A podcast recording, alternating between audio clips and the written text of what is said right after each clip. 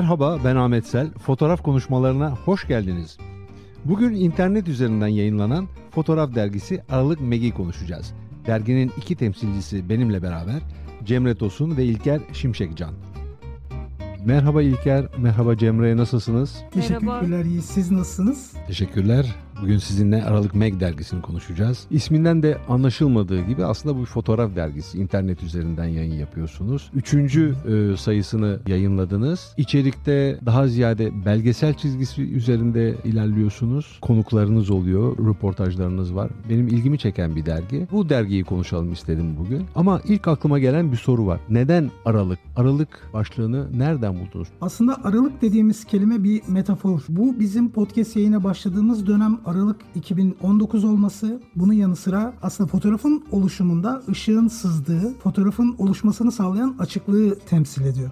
Cemre sizin bu konuda düşünceniz ne? İlker'in bir yol almasıyla birlikte bir araya geldiğimiz için hani fikir böyle ilk duyduğumuzda bizim de çok hoşumuza gitmişti. Biraz böyle insanları düşündüren ilk etapta böyle Aralık Mek dediğimizde hani bu nedir diye merak uyandıran bir isim olmasını istiyorduk. O yüzden çok ideal geldi. Çok heyecanlandırdı isim. Sonrasında da bu oluşumun içerisinde olmayı böyle heyecanla ister hale geldi. Peki bu oluşumun içerisinde siz varsınız tabii yazı kurulunda. İkiniz de bu derginin içinde çok aktif rol oynuyorsunuz ama başka arkadaşlar da var bu dergiyi çıkartan. Tamamen gönüllülük esası üzerinde olduğunu anlıyorum. Bu işe nasıl başladığınızdan bahsedelim. Biz 30 Mart günü bir araya geldik. İlker Instagram hesabından bir story paylaştı. Fotoğraf üzerine paylaşımlar yapacağımız bir grup grup kursak kimler gelmek ister diye. Telegram üzerinde bir araya geldik. Böyle yavaş yavaş bir kişi iki kişi falan derken bir 50-55 kişilik grup halinde aktif olarak sohbet etmeye başladık. Birbirimizi tanıdık. Birbirimizi tanıdıkça fotoğraf üzerinde düşüncelerimizi paylaşmaya başladık. Sonra baktık ki bu iş gerçekten bizim en sevdiğimiz iş. E, o zaman dedik hani bunun üzerine bir şeyler üretebiliriz biz hani neler yapabiliriz diye üzerine böyle konuştukça bir anda dergi fikri oluşmaya başladı. Ee, biz dedik ki hadi bir araya geldik güzel şeyler paylaşıyoruz o zaman bunu yazıya dökelim. Bizim aldığımız keyfi bizi okuyanlar da almaya başlasın. Öylelikle dergi fikri oluştu. Kabul ettik. Şu an 20 kişi bir kadromuz var. Bunun üzerinden ilk sayımızı işte 21 Mayıs'ta çıkardık. İlker seni dinleyelim bu konuda. Tabii dergi en başına gidecek olursak bir zorlanmanın çıkış noktasıydı. Çünkü Salgado bunu çok iyi özetler bir cümlesiyle. Uzun süre fotoğraf çekmediğimde aslında kendimi dünyadan uzak ve hasta hissediyorum der. Şimdi biz burada aslında bir nevi hastalıktan uzaklaşmak amacıyla kendimizi en azından tarihe belge bırakan insanlar olduğumuz için yazı devralsın dedik ve bunu dergiye dönüştürmek istedik. Bu kolektif bir oluşum. Aynı zamanda bilgilerin geliştiği, tabii öğrenmeye açık hatta başarısızlığın deneyim olarak döndürüldüğü bir oluşum diyebiliriz Aralık Mek için. Sizi diğer dergilerden ayıran en belirgin çizgi hangisi? Çünkü piyasada basılı ya da internet üzerinden yayın yapan başka dergiler de var. Bazı dergilerde teknolojiye önem veriliyor. En son çıkan fotoğraf makinelerinin üzerinde yazılan yazılar teknik özelliklerden bahsediliyor. Bazılarında fotoğrafçıların hikayeleri anlatılıyor. Bazılarında amatör fotoğrafçıların gönderdiği fotoğraflar gösteriliyor. Reklam oluyor genellikle bu dergiler. Aralık yeni ne getiriyor? Şöyle bir de biz hani amatör ruhla ortaya çıkardığımız için bu dergiyi hiçbir kar amacımız yok. Reklam almıyoruz. Hiçbirimiz bu işi üzerinden para kazanmıyoruz. Hani sırf biriktirdiklerimizi bireysel olarak bildiklerimizi ortaya koyuyoruz ve öğrenmeye çalıştığımız, çabaladığımız bazı şeyler var. Bunları öğrenirken öğrendiklerimizi de dergi aracılığıyla paylaşmayı tercih ediyoruz. Hani bizimle birlikte fotoğrafa emek veren, öğrenmek isteyen kişilere ışık olsun diye. Biz bu sayıda bunu öğrendik. Bunları keşfettik keşfettik. Bizimle birlikte siz de bu keşfe ortak olun diyoruz aslında okuyuculara. Hani o yüzden de biraz bence bizim dergimiz daha özel oluyor. İlker karar alma mekanizmaları nasıl çalışıyor? Ben bunu merak ediyorum. Herkes ayrı bir şehirde bir araya gelemiyorsunuz. Hem coğrafi koşullar nedeniyle hem de pandemi nedeniyle internet üzerinden Zoom veya diğer programları kullanarak birbirinizle ilişki içinde oluyorsunuz. Ama tabii bir takım kararların alınması lazım. Seçkilerin yapılması lazım. Bu süreçler nasıl işliyor? Dergimizin içerisinde herkesin kendine ait bir kısmı var. Fakat genel anlamda derginin ana iskeletini oluşturan Mesela ana fotoğrafçımız kim olacak ya da dergimizin bu ayki konusu kim olacak gibi konularda ufak bir anket düzenliyoruz. Bunu tabi Telegram vasıtasıyla çok rahat bir şekilde yapıyoruz. Çünkü oradan kullanıcı ya da e, dergi yazarlarından herhangi bir tanesi en az bir olmak üzere birkaç konuda fikrini beyan edebiliyor. Ne zamanki çoğunluk yakalanıyor işte dergimizin konusu o oluyor. Ya da işte diğer konularda ana kararı verebiliyoruz. Ondan sonra bir görev dağıtımı yapıyorsunuz herhalde. Görev dağıtımımız aslında derginin oluşumunun en başında oldu. Yani örneğin yazar kadromuzda başvuranlar arasında karanlık odaya merakı olanları karanlık oda ile ilgili bilgilerini aktarmak üzere bir yazar kadrosu içine koyuyoruz. Yani bu işte iki kişilik ya da üç kişilik kadrolardan oluşuyor. Bunun yanı sıra belgesel fotoğraf tarihini anlatan kişi tabii bu tarih tarih konulara meraklı oluyor. Ama genel anlamda derginin bahsettiğim gibi ana iskeletini oluşturan kişiyi ekip olarak karar veriyoruz. Cemre bu dergiyi çıkartırken karşılaştığınız en önemli sorunlar hangileri oldu? En büyük yaşadığımız sıkıntı birbirimizden uzak oluşumuzda aslında. Farklı şehirlerde oluşumuz. Çünkü bir yazı ortaya koyduğumuzda ya da fotoğrafları seçtiğimizde ya da derginin dizaynı oluşurken hani elimizde herhangi bir materyal direkt yok. Oturup bir araya gelip de bunun burasını beraber düzeltelim diyebileceğimiz bir ortam, kanlı canlı yapabileceğimiz bir ortam olmadığı için bize en fazla sıkıntıya düşüren o oldu. Onun dışında tüm böyle rol paylaşımlarımız en başından belli olduğu için gayet rahat ilerledik. Bir de eksik gördüğümüz ya da yetişemeyeceğini düşündüğümüz noktalarda birbirimize her zaman bir destek olma durumumuz da olduğu için işi hepimiz birbirimiz için kolaylaştırıyoruz aslında. Onun dışında hiçbir problem yaşamadık. Yani bizi sadece uzaklık zorladı biraz. Çünkü Bursa'da olan arkadaşlarımız var, Ankara'da var, İstanbul'dan olanlar var, İzmir'den var. Böyle dağınık bir ekip olduğumuz için tek problemimiz bu oldu. Onda yine üstesinden geliyoruz ama. Benim e, bu üç sayıdan gördüğüm kadarıyla genel olarak e, belgesel fotoğraf çizgisinde ilerliyorsunuz öyle değil mi? Evet. Çünkü birçoğumuzun temeli orada. Bir de bizim şöyle yakındığımız bir nokta vardı. Mobil fotoğrafın artmasıyla birlikte tabii çok fazla fotoğraf üretimi oldu ve o fotoğrafçılık kavramı birazcık değerini yitirmeye başladı. Halbuki bizim üniversitede aldığımız eğitimlerde ben Simber Atay'ın öğrencisiyimdir. O dönem aldığım belgesel fotoğrafçılık benim kanıma işledi. Tabii bunu bana anlatan kişinin de çok büyük etkisi var. Çünkü büyük bir aşkla aktardı bana. Şimdi böyle olunca bu bilgiyi yeni döneme taşımak, ustaları bir şekilde yeni kuşağa aktarmak benim bir vazifem gibi hissediyorum. Tabii dergiye emek veren bütün arkadaşlarım için bu böyle. Böyle olunca bütün arkadaşlarımız biz belgesel kıvamında, belgesel fotoğrafçılık tadında bir ilerleme kaydedelim dedik. Bunu da gelişim gösteren, Türkiye'de gelişim gösteren ama o çizgi altında kalan belgesel işler üreten kişilere yer ver vermek özellikle istedik. Mesela ikinci sayımızdan bahsedecek olursam bizim için Eiko Hosea dergimizin baş konuydu. Ama Türkiye'de o sıra dışılığı bize katacak fotoğrafçıyı bulmak gerçekten zordu. Çok araştırdık. Bizim Hosea'nın paralelinde bize kim gerçekten bu hissiyatı verebilir? Bu tabuları kim yıkabilir ki bizim dergimizin o dönemki ana başlığı totem ve tabuydu. Yani Freud'un eserinden yola çıkarak böyle bir şey koyduk. Ve ikinci sayımızda bize sizin de daha önce röportaj yaptığınız Cem Turgay şahane bir röportajla dergimize böyle gerçekten büyük bir ses oluşturdu. Yani bence çok büyük de bir yani gençliğin okuması adına güzel mesajlar barındırıyordu bu röportaj. Peki İlker derginin varmak istediği bir nokta var mı? Bir hedef koydunuz mu? Öncelikle hedefimiz dergi ya da bu oluşum başladıktan artık ne zaman bitti diyene kadar bu iş kesinlikle ücretsiz olacak.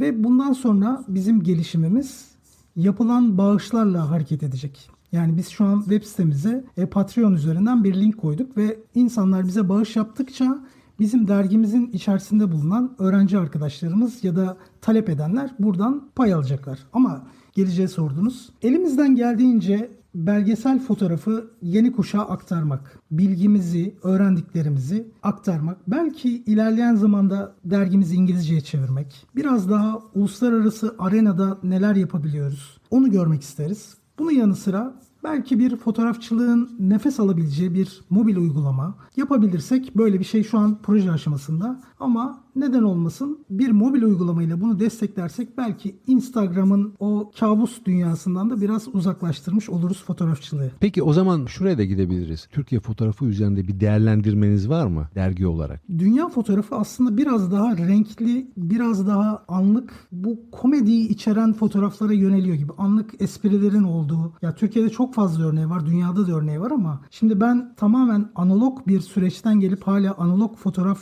e, kültürünü devam ettim ettiren birisi olarak Türkiye'de gerçekten dünya standartında iş yapan birkaç kişi böyle hala takibimdedir. İşte bunlardan bir tanesi Çağdaş Kul, e, diğer taraftan Suzan Pektaş o da yeni kitabını çıkarttı. E, Serkan Tekin vardır. Instagram adresi umagumak. Bunlar dünya standartında fotoğraflar üreten insanlardır.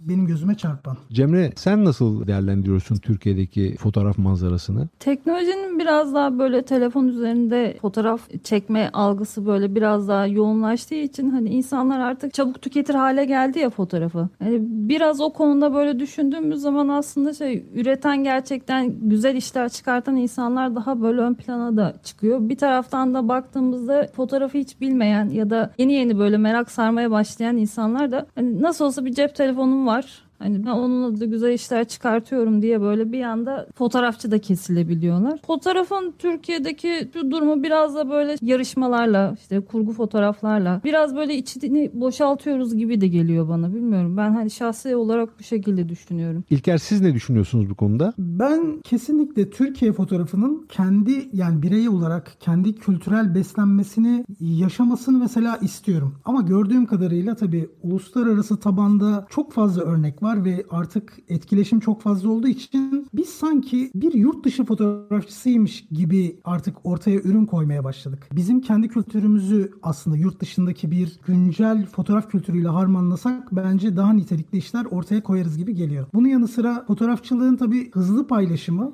birazcık da onu niteliksizleştiriyor diyebilirim. Çünkü ben kati güzelden ya da çir, kati çirkin konusundan uzakta bir insanım. Benim için dere kenarında çekilen uzun pozlamaları yapıların, pamuksu yapıların aslında fotoğrafik olarak çok da bir şahsım adına çok bir şey ifade etmediğini düşünüyorum. Gerçekten derdin anlatılması, bir olumsuzluğun ortaya konulması, belki bir çözüme itilmesi. Bu Eugene Smith fotoğraflarında nasıl ki mesela Minamata'da böyle bir probleme ortaya koyarak kamuoyu oluşturuyor ve bilinçlerin oraya dönmesini sağlıyorsa aslında fotoğrafın etkisel bir konuya dönüşmesi gerektiği taraftarıyım. Tam bu noktada Aralık Mag'ın oynadığı bir rol var mı? Tabii feedbacklere göre size bu aktarım yapacağım. Çok fazla teşekkür alıyoruz. İnsanlar gerçekten araştırmaya sevk ediyor. Yani orada yazdığımız herhangi bir makale, herhangi bir fotoğrafçı değil, gerçekten insanların hayatına dokunan, biraz daha derinlemesine gittiğimizde acıları barındıran, belli konuları barındıran gerçekten bir geçmişi varmışçasına böyle araştırma ittiğini hissediyorum.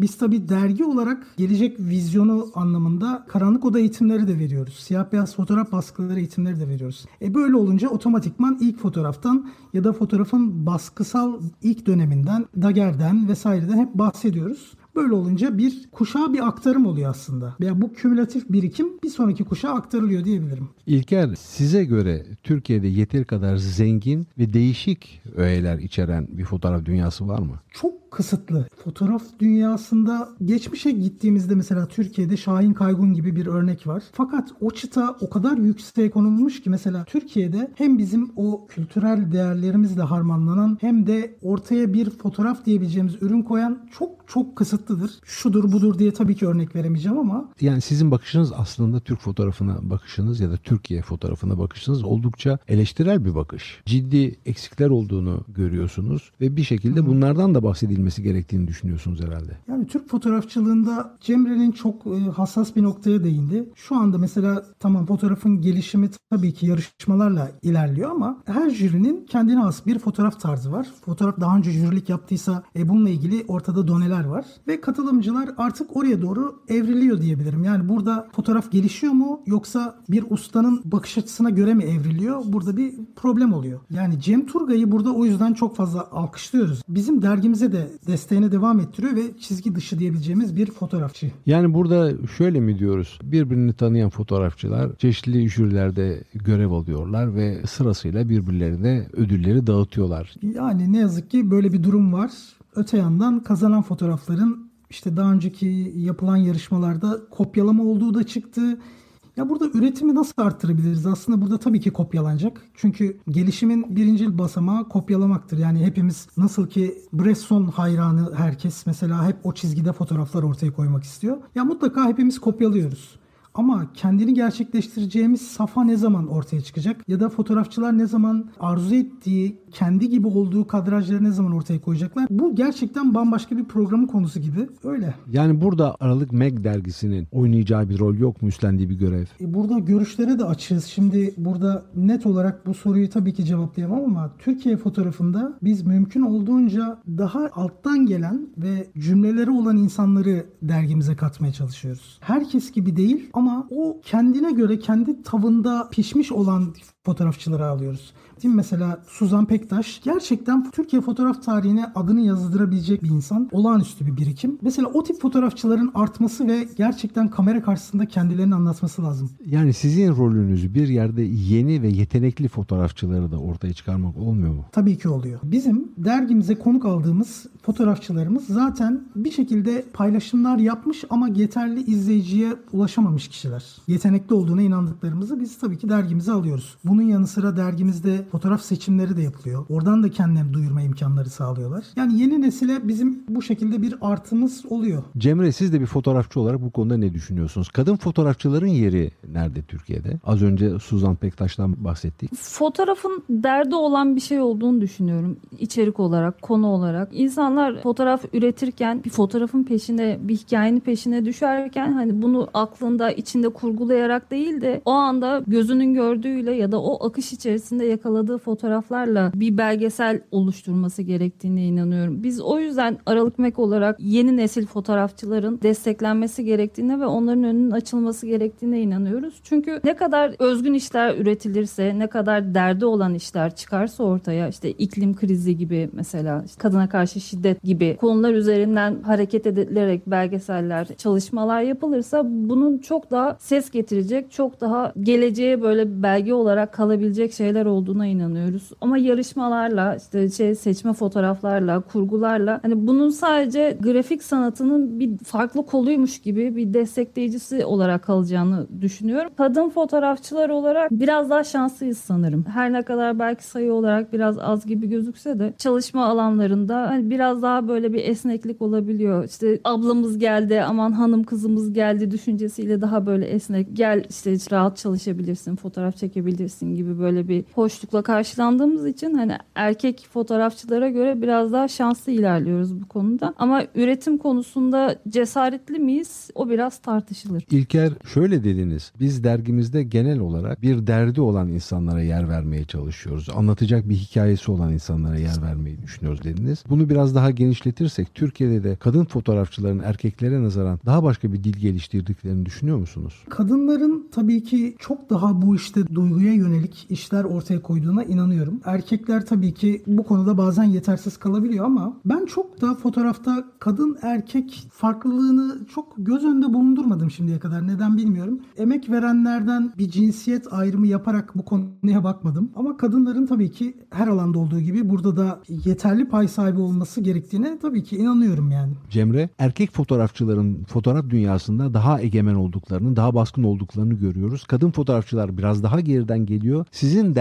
derginizde bu konuda bir denge yaratma kaygısı var mı? Dördüncü sayımızı da biz 8 Mart öncesi olduğu için kadınlara yönelik hani kadınlara ithaf ederek çıkarmak istedik. Bir kadın fotoğrafçıdan bahsedeceğiz. Bir kadın fotoğrafçı konuğumuz olacak. Yine kadın temasının da içinde bulunduğu bir konumuz olacak. Fotoğraf çeken kişilerden konu olarak belirlediğimiz her sayıda bir başlığımız oluyor. O başlık üzerinden de fotoğraflar bekliyoruz. Fotoğrafhane köşemizde yayınlamak üzere. Kadınları da barındıracak böyle geniş kapsamlı bir konu belirledik. Onun üzerinden fotoğraflar alacağız ve yine kadını temsil eden bir yer üzerinden gezi rotası oluşturduk. Yine aynı şekilde sanat tarihi adına e, yazdığımız köşelerimizde de yine kadın üzerinden gidiyor. Yani bu sayı tamamıyla kadınlar üzerine çizilmiş olacak aslında. Bir de düşündüğümüzde şimdi yüzyıllardır hep kadın annedir, kadın evdedir, eşini bekler, çocuğuna bakar, e, yeri gelir tarlaya gider ama hep böyle bir kısır döngü ona başkaları tarafından çizilmiş olan bir sınır içerisinde yaşar. Biz bu sınırların aşılması adına, daha farklılaşması adına ve kadının her yerde olması gerektiğini düşündüğümüz ve böyle hissettiğimiz için kadınlara böyle özgür bir alan olsun diye dördüncü sayımızı kadınlar üzerinden çıkarmaya karar verdik. Yani Aralık Meg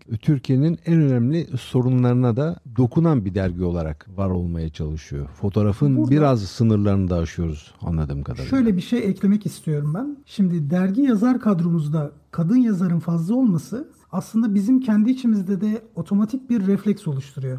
Yani biz ilk sayımızda aldığımız konuğumuz erkek, ikinci sayımızda aldığımız konuğumuz erkek ve buradaki yazarlarımız diyor ki hop yani burada evet bir tane de kadınla devam edelim. Kadın fotoğrafçı alalım. Ya da işte böyle bir refleksin oluşması kadınların dergi içerisindeki aktif durumunu çok etkiliyor. Kadınlar bu yüzden birçok noktada söz sahibi olmalılar. Yani sadece fotoğrafta değil. Çünkü erkek bunu çok fark edemiyor. Erkek için sabit bir belgesel fotoğraf konuk alacağız. Ama oradaki cinsiyet dediğiniz gibi erkek baskın bir durumda kadını seçmek çok da kolay bir şey değil. Ama dergi yazarları öyle bir noktada bize müdahale ediyorlar ki kadın da seçmeliyiz tabii yani. İlker dergiye katkıda bulunmak isteyenler ya da soruları olanlar size nasıl ulaşabilir? Bizim web sitemizde e, bir mail adresi bırakacağınız yer var. Buradan bizle ilgili güncel haberleri otomatikman mailing olarak size ulaştırıyoruz. Buradan mail adresinizi bırakabilirsiniz. Ama tabii önce web sitemizi söyleyeyim. www.aralıkmeg.com Buradan girerek mail adresinizi bırakın. Aralık Meg ile ilgili bütün güncel bilgileri bilgilere hızlıca erişin. Cemre, İlker bu sohbete katıldığınız için teşekkür ederim. Çok keyifli bir sohbet oldu. Teşekkürler, iyi çalışmalar. Biz çok teşekkür, teşekkür ederiz. ederiz. Bugün Cemre Tosun ve İlker Şimşekcan'la Aralık Meg dergisini konuştuk. Eğer bu yayını beğendiyseniz çevrenize önerebilir, yayını dinlediğiniz platforma yorum bırakabilirsiniz. Desteğiniz bu yayının gelişmesi için çok önemli. Önümüzdeki pazar yeni bir yayında buluşmak üzere, hoşçakalın.